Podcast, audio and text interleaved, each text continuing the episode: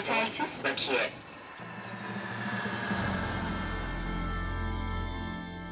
Yetersiz Bakiye hoş geldiniz. Ben Yamaç Okur. Serkan Çakarer. Bu hafta da konuğumuz Kemal Ural. Kendisi uzun yıllardır sektörde dağıtımcılık yapıyor. Ee, hoş geldin Kemal.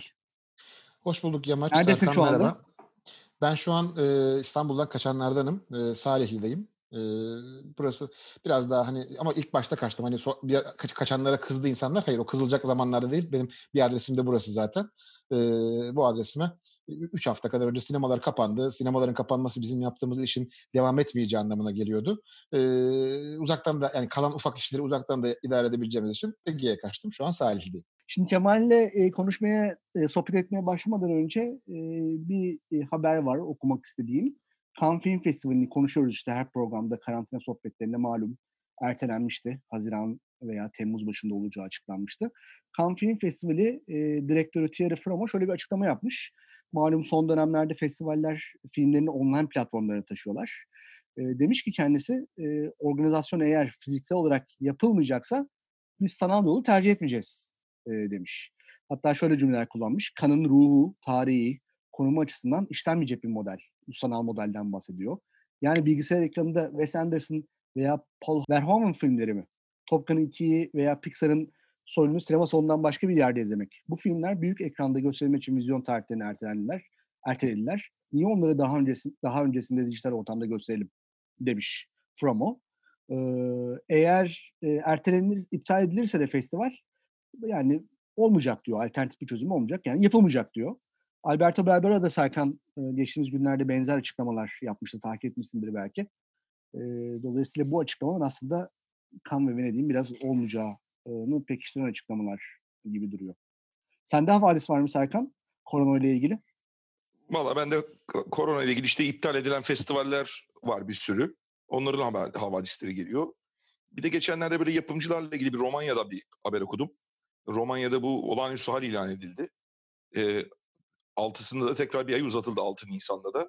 Fakat orada bu film desteklerinin olduğu kurulun yapılmasıyla ilgili böyle bir belirsiz bir ortam oluşunca bütün yapımcılar eyvah acaba işte destekler mi iptal oluyor falan gibisinden böyle bir dilekçe yazdılar. Ee, işte orada Kültür Bakanı da e, ya düzeltti ya da durumu düzeltti ya da bir açıklama yapmak gereğini duydu. Hayır işte yani şu anda çalışan memur yok. Dolayısıyla ne o toplantıları açıklayıp organize etmemiz mümkün değil. Fonların iptali diye bir şey söz konusu yok. Şu başımızdan illet geçsin tekrar hayata geri döneceğiz diye bir açıklama yaptı. Şu anda genelde Avrupa'da hani programda biz de konuşacağız biraz. İnsanlar böyle bir dönemde nasıl alternatif e, modellerle film gösterebiliriz, ne yapabiliriz, ne edebiliriz ile ilgili çok e, konuşma dönüyor. Bir yandan da işte e, sinema endüstrisiyle ilgili açıklanan bir sürü e, yardım paketleri, bir takım destekler şunlar bunlar onlarla ilgili bir sürü böyle teknik muhabbet dönüyor. Onları da önümüzdeki günlerde paylaşırız yetersiz paket dinleyicileriyle. Kemal senle olan sohbetimizi ikiye ayırmak istiyorum. İlk bölümünde biz e, böyle bir geçtiğimiz ay 2019 yılını değerlendirmiştik. Hatta iki program yapmıştık Serkan'la. Bir rakamları değerlendirmiştik box office tarafını. Bir de böyle olay olay, e, ay ay e, geçmiştik.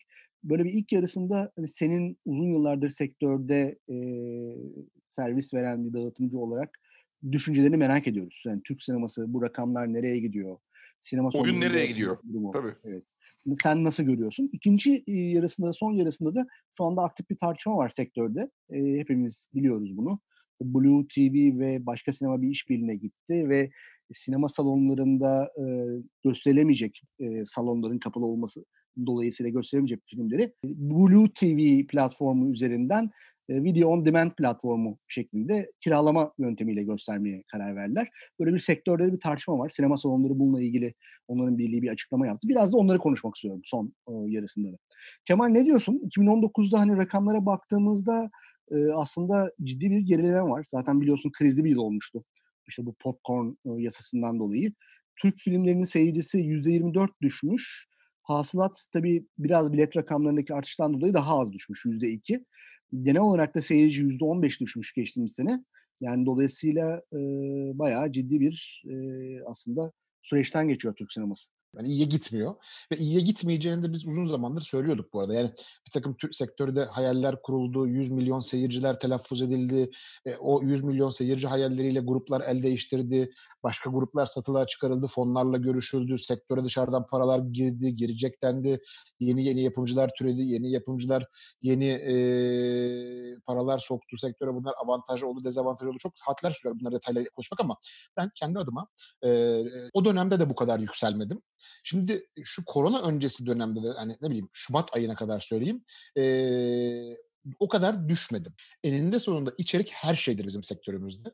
Geçen 2019 yılında 70 milyondan 60 milyona 59,5'a düşüyor. Ee, bu, bu çok sert bir düşüş değil aslında. Seyirci bazında bile baktığınız zaman çok sert bir düşüş değil. 7-7-14 yani %20 değil %15 civarında bir düşüş var. %15 civarındaki düşüşler hani her yıl aşağı yukarı değişebilecek düşüşlerdir. Tabii şu anlamda katılıyorum. Yani o 2019'da bir ton yeni film yapıldı. Bir ton yeni sinema salonu açıldı. Zaten bizim savunduğumuz şuydu. Türkiye'de yeni sinema salonu açarak ya da film adedi artarak seyirci sayısı arttırılamaz.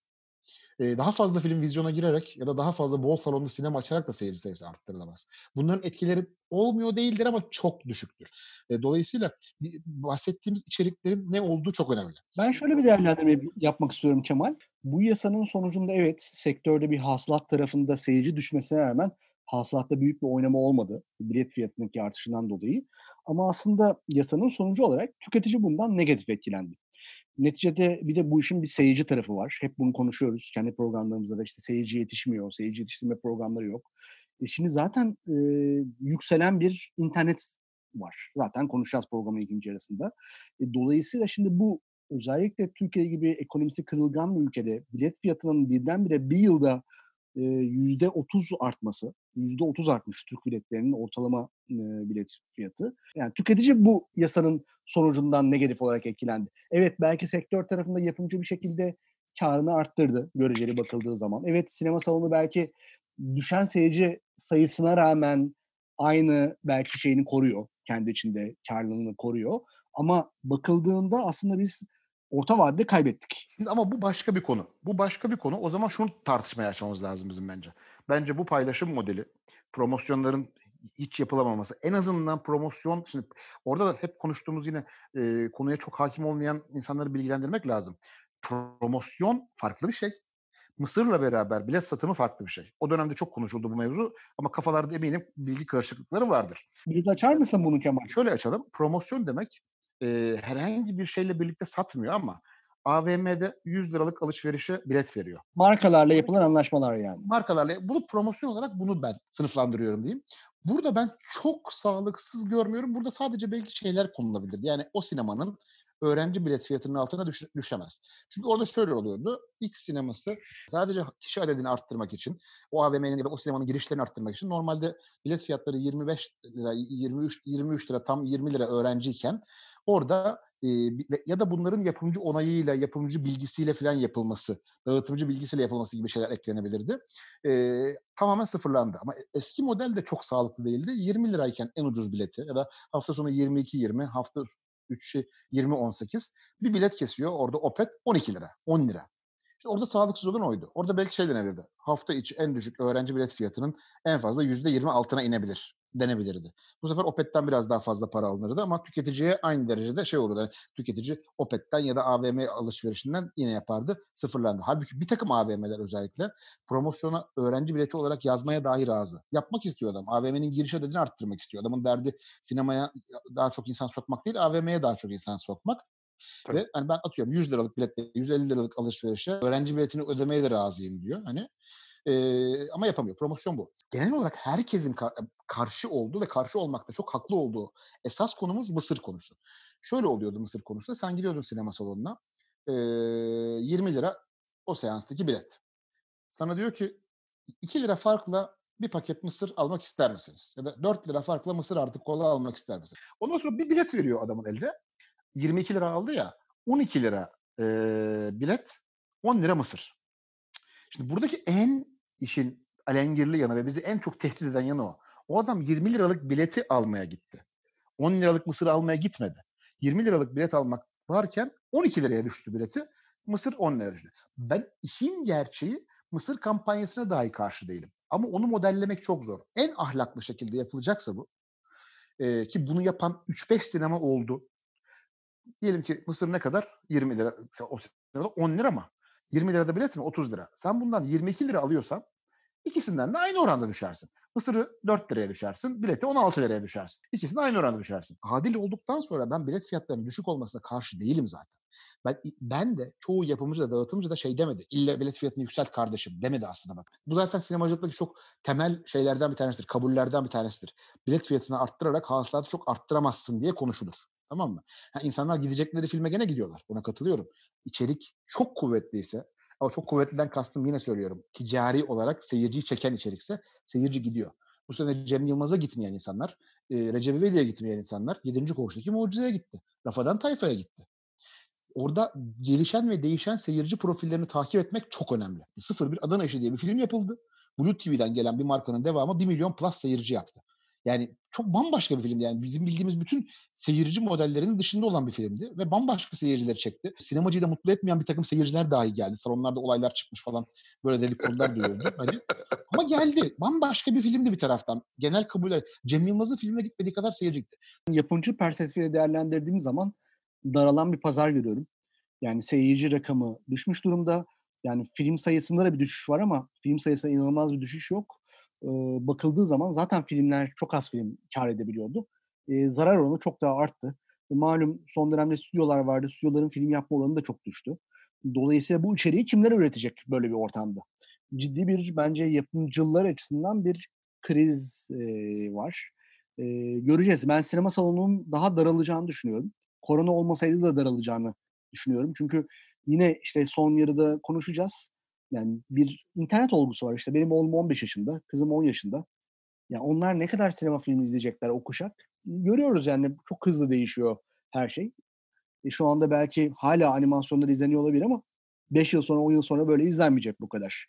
Dolayısıyla burada biz eğer e, gençlerimizi, çocuklarımızı sinema salonuna çekecek programlar yapmazsak, bir takım ne bileyim kampanyalar yapılmazsa insanları sinemaya sevdirecek ben sinema salonlarının çok ciddi bir daralma yaşayacağını çok rahatlıkla öngörebiliyorum. E, mevcut sinema modeli değişmediği sürece sinema salonlarının kapanması e, ya da küçülmesi kapatmayabilir ama 8 salondan 4 salona düşecek belki. 10 personelden 6 personele düşecek belki vesaire vesaire. Maalesef söylüyorum kaçınılmaz.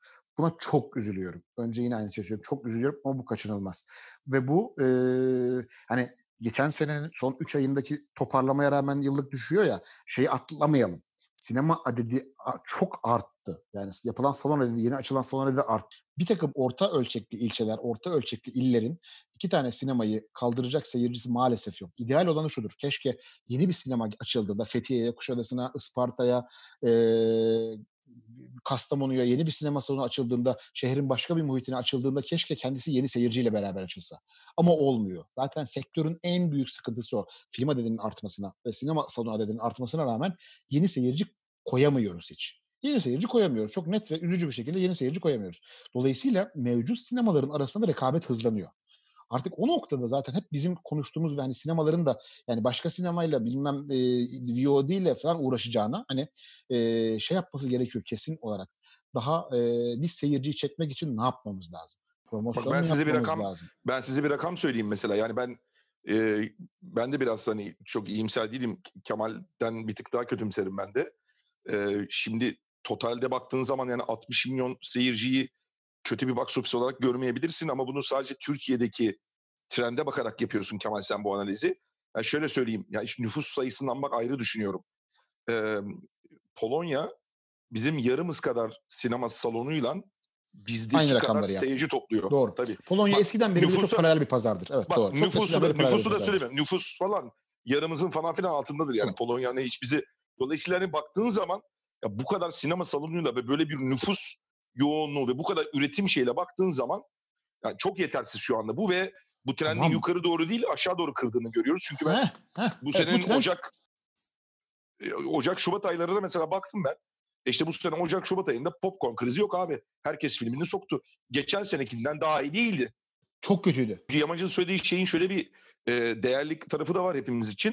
tabii ki yani içerik çok önemli ama olayın bir ekonomik boyutu var. Şimdi hem filmlerin maliyetinin e, dolar üzerinden vesaire üzerinden çok artması e, bir bu dolayısıyla bu filmleri kim üretecek dediği amaç çok meşru ve çok önemli bir sorudur. Yani herkesin takkiyi önüne koyup düşünmesi gerekir. İki, e, bu ekonomik kriz şimdi biz bir buçuk senedir Türkiye'de bir ekonomik kriz yaşıyoruz. Yani insanlar borçla harçla yaşıyorlar vesaire. Sen şimdi promosyonları falan da kaldırmışsın. Sonuçta baktığın zaman yani bu da bir işte e, arza bakıyorsun, film arzına, işte talebe bakıyorsun.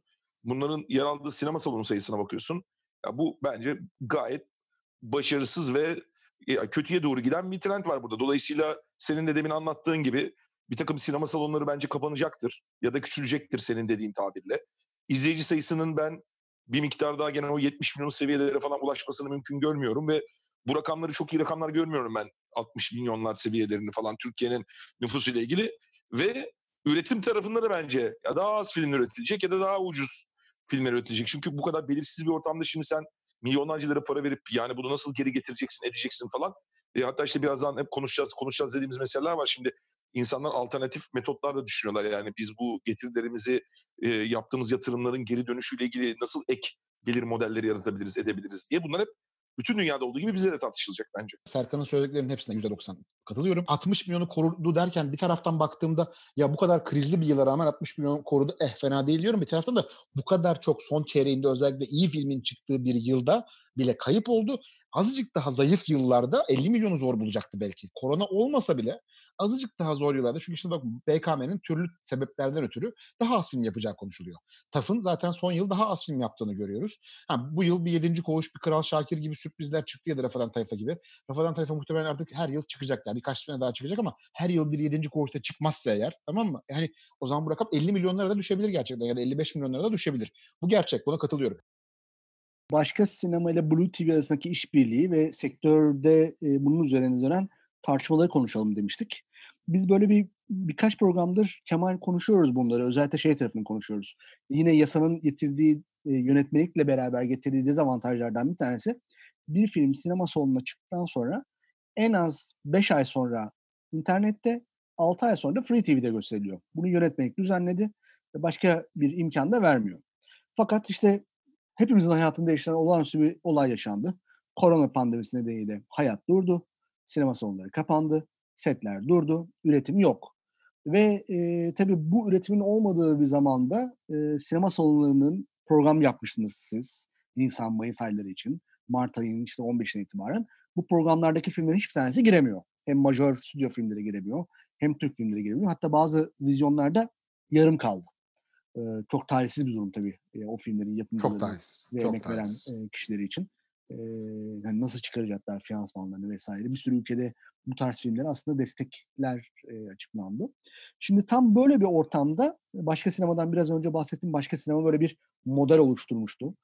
Art House filmlerin yayınımı için. Bir sürü salonda hani kendine özgü bir dağıtım modeli kurmuştu siz de bu modelin içerisindesiniz. Senin hem dağıtımcı kimliğin var hem de başka sinemaya da film veriyorsun. Doğru. Şimdi bu noktada bakıldığında bir kere hani bu 5 ay e, olayının ne kadar yanlış olduğunu biz Serkan'la her programda vurguluyorduk. Biz bunu tekrar bir açalım Serkan istersen. E, normalde işte en son Renan'la yaptığımız Fransa'dan e, Renan katılmıştı. Renan Ertürk maç yapımcı. Fransa'daki modelleri söylemiştik. Fransa ne kadar kendi endüstrisini koruyan bir sinema olduğunu hepimiz biliyoruz orada bile şu andaki krizden dolayı bir takım filmler Ulusal Sinema Kurumu CNC'nin müsaadesiyle direkt olarak e, TVOD servislerine yani iTunes vesaire gibi kiralayabileceğiniz servislere çıkmış durumda. Fransa'dan bahsediyoruz.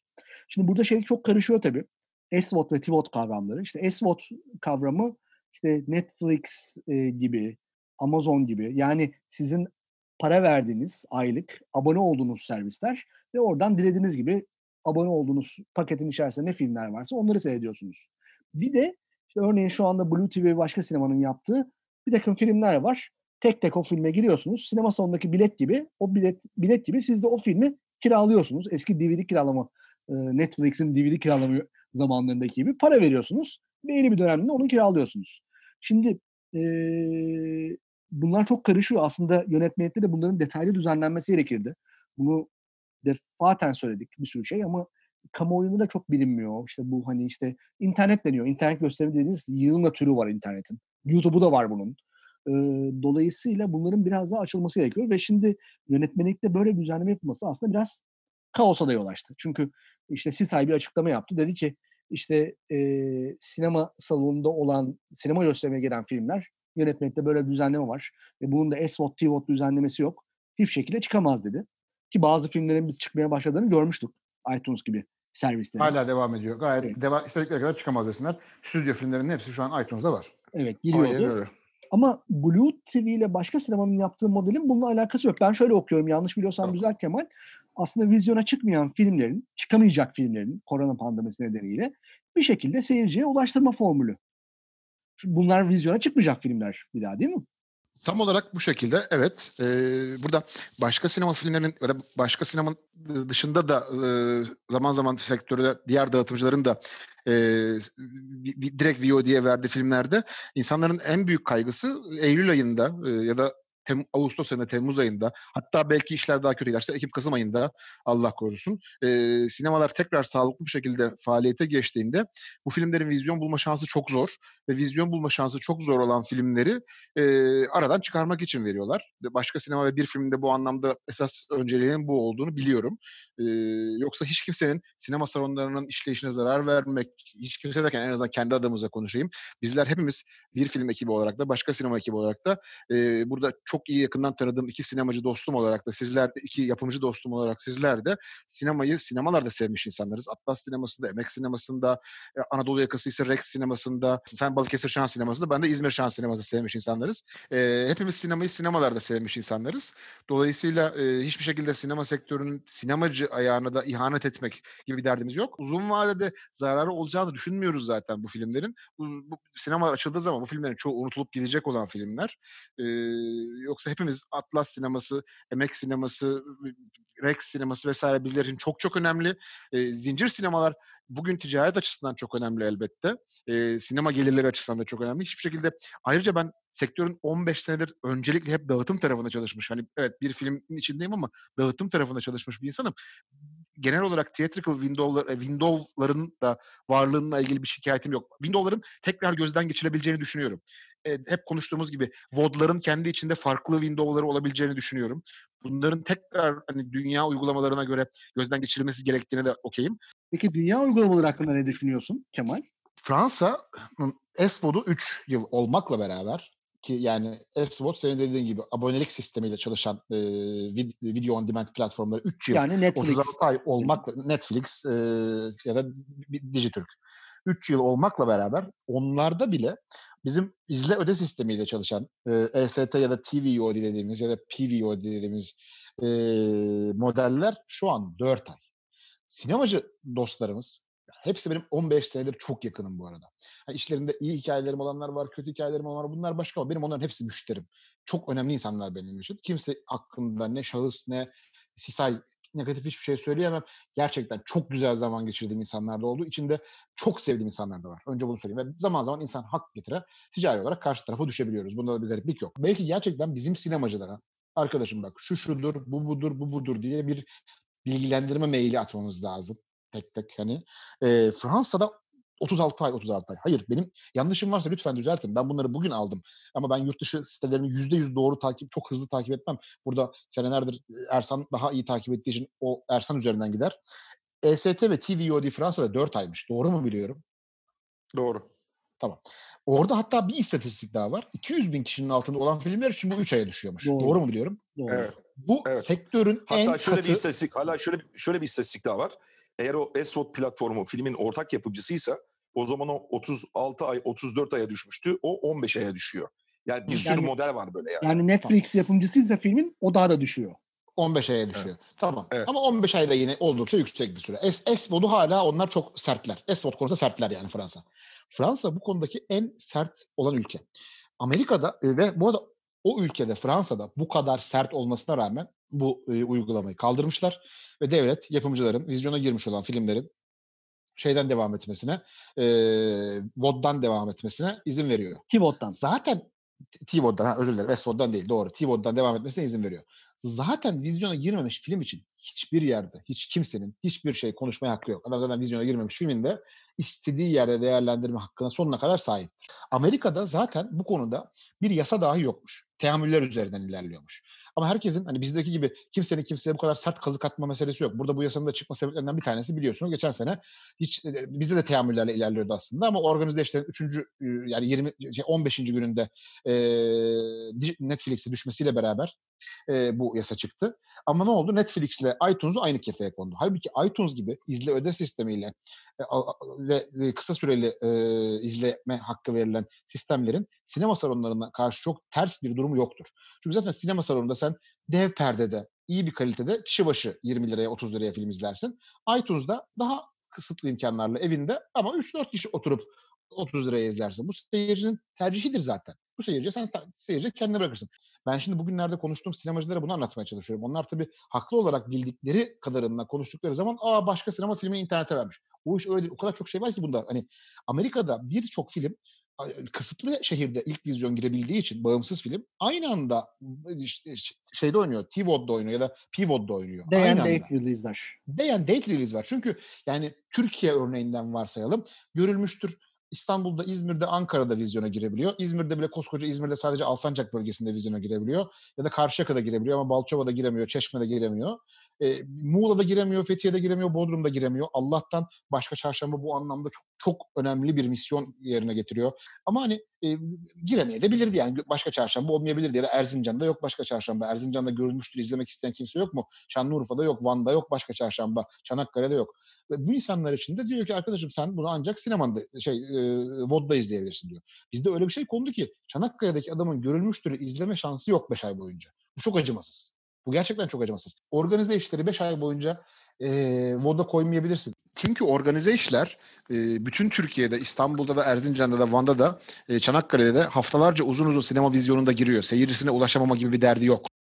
Ama en azından az önce söylediğim gibi vizyondaki rakamları 100 bin kişinin altında yapan filmler için farklı bir model kullanabilir. Vizyondaki rakamı 50 bin kişinin altında kalan filmler için başka bir model kullanabilir. Hani Fransa'daki 200 bin demek bu arada tahmin ediyorum bizdeki 20 bin falan değil mi? Yani rakamlara göre baktığınız zaman. Hemen hemen. Yüzden ha, ya da 40 bin dersin. Türkiye'de 40 bin kişinin altında kalan filmler için başka bir model kullanabilir. Ama sen bugün hani görülmüştür gibi bir filmi 5 ay boyunca Erzincan'daki adama hiçbir şekilde sunmuyorsan seyirciye çok büyük haksızlık yapıyoruz. E, Kemal Sisay yani Sinema Salonu Yatırımcıları Derneği geçtiğimiz günlerde bir açıklama yaptı. Başka sinema ile Blue TV e, işbirliği sonrasında bu modele karşı çıktığını e, belirten bir açıklama. Neyi savunuyor Sisay? Onların savunduğu şu. Onların savunduğu şu. Tamam onun cevabını zaten vereyim. Onların savunduğu şu. Başka sinema burada bir kapı açabilir başka sinema bir de bunu sinema adıyla yapıyor ve o yüzden bizi çok etkiliyor diyor. Yaptıkları açıklamalarda hala bir taraftan ona da dokunuyorlar. Diyorlar ki Amerika'da, Çin'de filmler saklanıyor, bizde niye saklanmıyor? Hayır, Amerika'da bırakın böyle 3-5 bin kişilik filmleri Amerika'da Troller DreamWorks'un yapımcılığını yaptı. Troller Dünya Turu, e, Trolls World Tour şu an VOD platformlarına çıktı. Vizyonunu beklemedi. 5 e, ay meselesini şu anda dünyada zaten o yasayla sınırlandı çok fazla ülke yok ama teamüllerle sınırlanıyordu. Tabii şimdi korona meselesi normalin dışında bir şey. Tamamen seyirci içinde, sinemacı içinde, yapımcı içinde, herkes için normalin dışında bir şey. Dolayısıyla hal böyleyken hiçbir ülkede hala 5 ayda 5 ay denmiyor. Bizim maalesef orada sinemacılarımız e, biraz dünyayı çok sıkı takip etmedikleri için bence. Birazcık tabii ki bu ülkede ticaret yapmak her anlamda dünyanın çok ülkesine göre daha zor. Onları da anlıyorum. Empatiyle karşılamaya çalışıyorum. Gerçekten Türkiye'de ticaret yapmak zor. E, ve hani böyle bir yaralı aslan. Hani yaralı aslan nereye saldıracağını bilemez ya. Hani yaralı aslan gibi sinema salonunda da bizim aslanımız olsun. Hani nereye saldıracağını bilememekten BKM bayi toplantısını veremez. Or bilmem şey e, böcek film aşk tesadüfleri severi veremez. Halbuki bıraksalar BKM bayi toplantısını böcek film aşk tesadüfleri severi normal ederinin biraz daha üst fiyatına ya da en azından TVOD platformlarına şu anda satsa ve biraz daha para elde etse seneye onlara yeni ürün sunabilse bence sinema salonları için daha karlı bence. Organize işlerin Netflix'e çıkmasıyla iki hafta sonra şu anda başka sinemanın Blue TV ile işbirliği yaparak kiralama servisi açması yani şey gibi gece gündüz gibi hiçbir yani şey yok. Yani elmayla karpuz gibi yani. Elmayla armut yani değil, elmayla karpuz gibi yani. e, Evet. Yüz binlerce abonesi olan bir platform var. Netflix Evet. platformu. Lansman yapıyor aslında filmle. Doğru. Diğerinde çok kısıtlı yani belki 500 kişi seyredecek. Ya bir artı az rakamına kadar seyredecek hani maksimum. Böyle bir durum var. Dolayısıyla bunların birbirine karıştırmasını ben çok yanlış buluyorum yapımcı olarak. Ve Çok yanlış. yani bağımsız çok yanlış. yapımcı olarak da aynı zamanda yani o tarafta hani bağımsız yapımcıdan e, yani benim benim e, elimden bu olanağın alınmasına doğru bulmuyorum. Serkan daha Doğru. biraz daha sert düşünüyor. Biraz ben Serkan'ın da fikirlerini merak ediyorum bu konuda. Serkan senin düşüncen ne?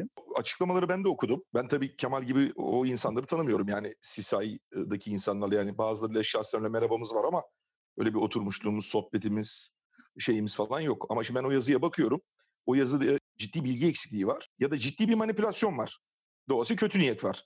Şimdi ben o metnin içerisine baktım. Yani bana da geldi o metin. Ya böyle işte bir metin gönderilmiş işte sinema salonlarından falan diye.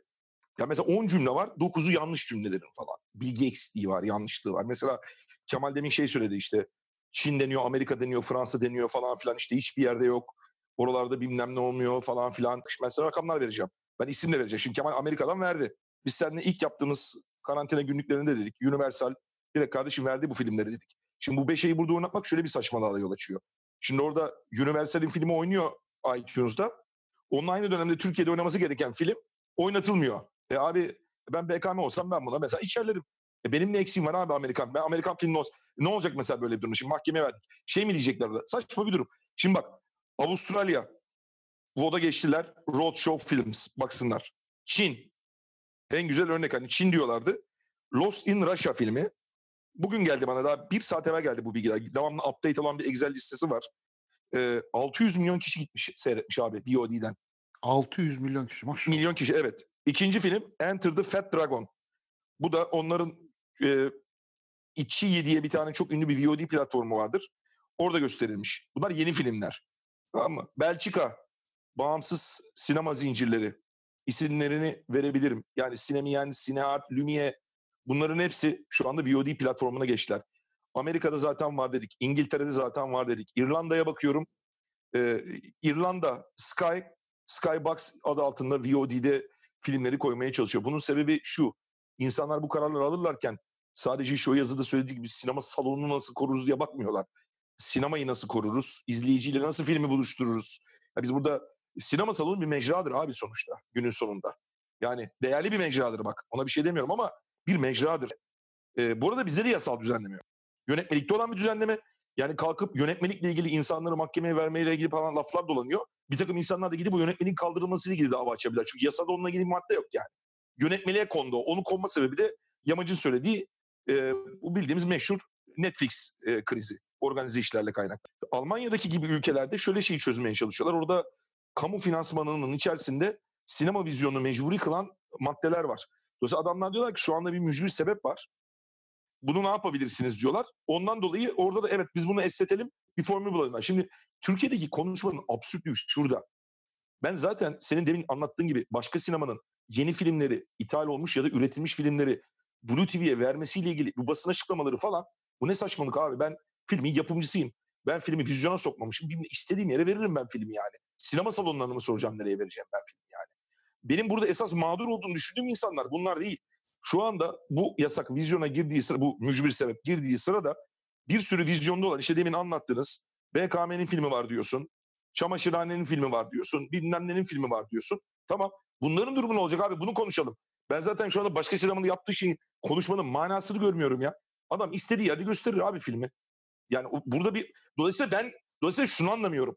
Yani sinema salonu yatırımcıları arkadaşlar şu anki durumu mücbir sebep olarak görmüyorlar mı abi?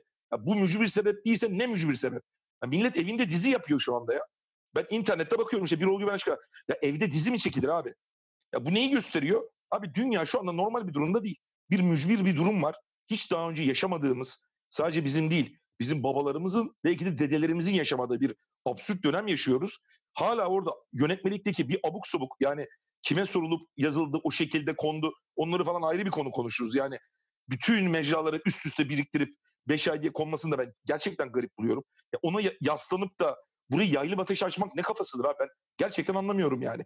Benim şimdi o yapımcı olan Oradaki yapımcı olan arkadaşların bir kısmı ben tanıyorum. Filmlerini bu platforma vermişler. İnsanlar milyonlarca para harcayarak, yıllarca zaman harcayarak bu filmleri yapmışlar ve onlar bunun mücbir sebep olduğunu görüp ilk tercihleri bu olmayabilir. Buraya vermişler. Oradan yaylım ateşi var ya ben gerçekten anlamakta zorluk çekiyorum. Bu durum tüketiciye de zarar veren bir şey. Ben Parazit filmini izlemek isteyen bir tüketiciydim. Sinemaya gidecektim Mart ayının e, 18'inde. Ayarlamıştım programımı. Sinemalar kapandı. Ya da ben bayi toplantısına gidecektim 20 Mart'ta. Şehir dışındaydım. 20 Mart'ta ben bayi toplantısına gitmek isterken kapandı sinemalar. Ne yapacağım? Çocuğumu sinemaya götürmek istiyorum. Ama şimdi iki çocuğun da evde sabahtan akşama kadar. Vizyondaki yeni filmi izletmek istiyorsun sen çocuğuna. Zaten Lion King'i izledin. Zaten bilmem e, mevcut Bean Connect'teki, Netflix'teki bütün animasyonları oturdunuz izlediğiniz Bulut'la beraber. Yeni ya da gençlik filmlerini izlediğiniz Bulut'la beraber. Onu yeni bir şey izletmek istiyorsun ama izletebileceğin hiçbir şey yok. Hiçbir şey yok. Sen tüketicinin film izleme özgürlüğünü elinden almışsın sen zaten şu anda yani. Ya şimdi bak şöyle bir şey var abi. Bir kere hepimiz bunu şimdi ben, bana böyle e-mail atıp telefon alıp benden link isteyen insanlar var. Herkesten link isteyen, filmleri linkinden seyretmek için bize talep eden insanlar. Sosyal medyada bakıyorum bu kampanyada sinema salonu böyle güzellemesi yapıyorlar. Ya arkadaşım yani herkes oturacak bir kere bir dürüst olacak. Biz her yıl sen belki bizden çok daha fazla seyrediyorsun. Biz yüzlerce film seyrediyoruz. Bu sinemaların bunun ne kadarını biz sinemada seyrediyoruz abi? Belki ben 150-200 tane film seyrediyorsam bir yılda bunun ne kadarını sinema salonunda seyrediyorum? Ne kadarını online, VOD seyrediyorum. Bunu denemenin en doğru zamanı olduğunu düşünüyorum. Benim başka sinemadan daha radikal, yani Yamaç'ın dediği radikal düşüncem şundan. Ben bunun zaten bir model de olabileceğini düşünüyorum bağımsız filmler için. Sebebi de şu. Yani Türkiye'de ben son iki seneye bakıyorum. Vizyona giren yerli yabancı, yerli yabancı özellikle altını çiziyorum. Filmlerin yüzde 58'i, yüzde 60'ı de ortalama 20 bin seyirciden az seyirci topluyor.